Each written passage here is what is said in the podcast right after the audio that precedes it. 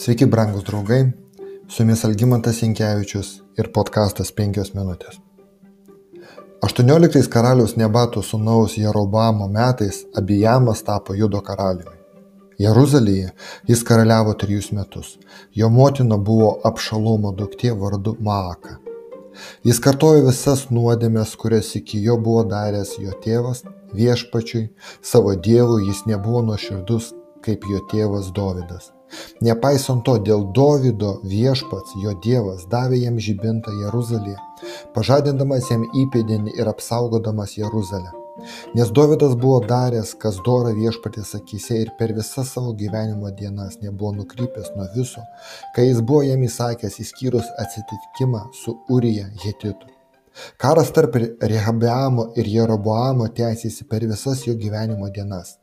Kiti Bijamo darbai, visa, ką jis darė, argi nėra prašyti Judo karalių metašiuose? Tarp Abijamo ir Jeroboamo vyko karas. Abijamas užmygo savo, su savo protėviais ir buvo palaidotas Dovido mieste. Vietoje tėvo karaliumi tapo jo sūnus Asa. Visą šią istoriją mes randame pirmoje karalių knygoje 15 skyriuje. Toliau keliaudami Izraelio valdovų istoriją mes dažnai rasime panašius žodžius. Tokiais ir tokiais metais pradėjo valdyti toks ir toks karalius, jis buvo geras arba blogas ir po tiek metų jis užmigo ir buvo palaidotas. Po jo tapo karaliumi toks ir toks, jis buvo toks ir toks. Skaitant tokius pranešimus labai norėtųsi, kad kiekvienas naujas karalius, Izraelio arba Judo karalius, apie kurį kalbama Biblijoje, būtų geras ir daras gerą Dievo akise. Bet mes susidurime su liūdna istorija, kuri pasakojame kitokią realybę. Realybė, kuriai reikia tikėjimo ir kurioje galime pamatyti Dievo galestingumą, kurio neturėtumėm iš tikrųjų sumaišyti su mūsų bandymu būti tolerantiškais viskam, kas manęs neliečia tiesiogiai. Biblija pirmoje karalių knygoje 15 skyriuje pasakoja, kad karaliaus Abijamo stabmeldystė nusipelnė tokios pačios bausmės kaip karalių Jeroboamo, aprašyta pirmoje karalių knygoje 14 skyriuje Bašos, pirma karalių 16 skyrius Arziminio, ta pati, e, tas pats skyrius pirmo karaliaus knygos.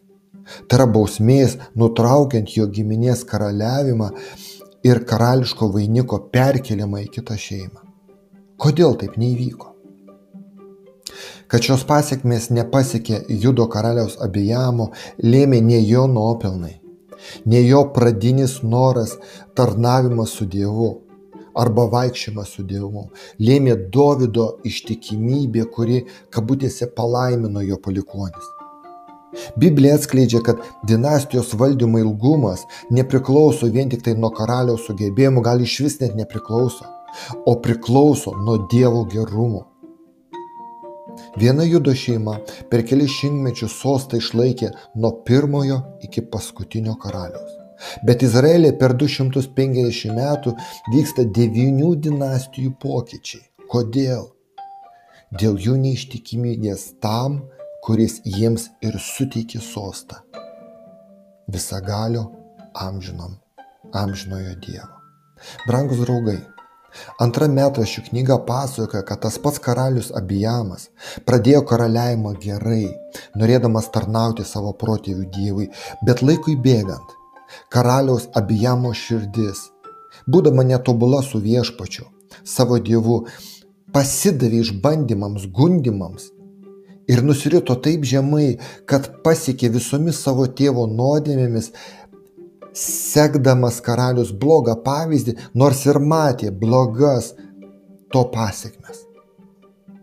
O Davido šeima buvo padėta Jeruzalėje kaip žvakydė, kaip šviesa, kad išlaikytų tikrąjį Dievo garbinimą, kai visose kitose vietose, kitose tautose užgeso dieviškos tiesos šviesa. Viešpats vis dar rūpinosi savo reikalais, o tie, kurie turėjo būti tam tinkami, gyveno žudami ir vesdami kitus nuodėmėse. Brangus draugai, Dievas ir dabar rūpinasi savo reikalais, nors mūsų neįgudusiai akiai atrodo, kad nieko nevyksta ir ji negali pastebėti.